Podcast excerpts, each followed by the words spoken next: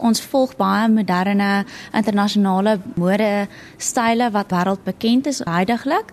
En uh, wat interessant is vir ons uh, op die oomblik is dat dit is nie net noodwendig die perderuiters wat ons klere dra nie. Dit is baie mense in die gemeenskap, jy weet die perdesport en die hele ek dink stigma om perde het so bekend geraak en en iets geraak wat mense graag wil volg al ry hulle nie noodwendig perd nie. In Suid-Afrika is dit nie 'n massiewe kultuur nie. Dit is bietjie van 'n subkultuur. Watter soort tendense in die wêreld volg jy en hoe spoor jy hierdie tendense op?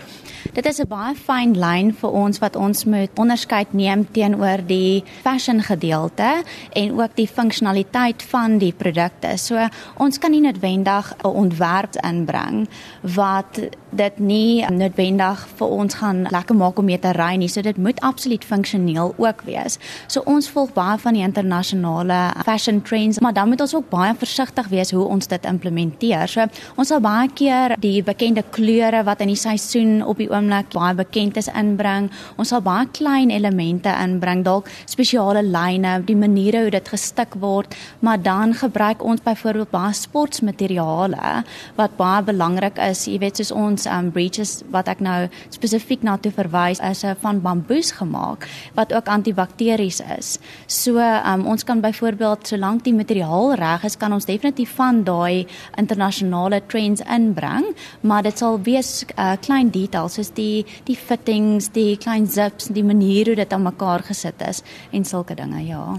En wat van bykomstighede as ek nou 'n gewone denimbroek, formele skoene en 'n formele hemp dra, wat kan ek hier bysit om hierdie styl uit te beeld? Ja, so 'n um, handgeweefde hoed uit die Ecuador uit. Dan ander goed soos verskriklike mooi leer handskoene wat mense in die winter ook dra.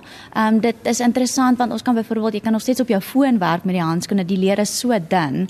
So daar's verskillike mooi um items wat jy saam met dit kan dra. Ek weet die die leer wat jy op jou perd moet gebruik moet verskriklik sag en soepel wees en baie sterk. So dit is nie noodwendig die kwaliteit leer wat die normale publiek aan gewoond is nie. So omdat ons nou reeds met daai tipe leer werk, kan ons ons belde en die res van ons bykomstighede ook daarvan laat maak. Wat is meer populêr, mansdrag of damesdrag? Dis 'n baie interessante vraag in ons land veral is dit meestal vrouens wat perd ry. Oor see byvoorbeeld is dit meestal mans. So dis omtrent 'n 80-20% split as ek dit so kan verduidelik. Oor see natuurlik die mans en in Suid-Afrika die vrouens. En dan verder as mens na statistiek gaan kyk, die meeste mans wat in ons land ry is eintlik professionele ruiters en hulle word byvoorbeeld uh, baie keer gesponsor deur van die groter maatskappye. So ons spesifieke mark is nie noodwendig so groot vir perde gereedskap spesifiek geregeer op op mans nie, maar ons het 'n item om vir hulle te offer, maar dis nie noodwendig so groot soos die vrouens nie.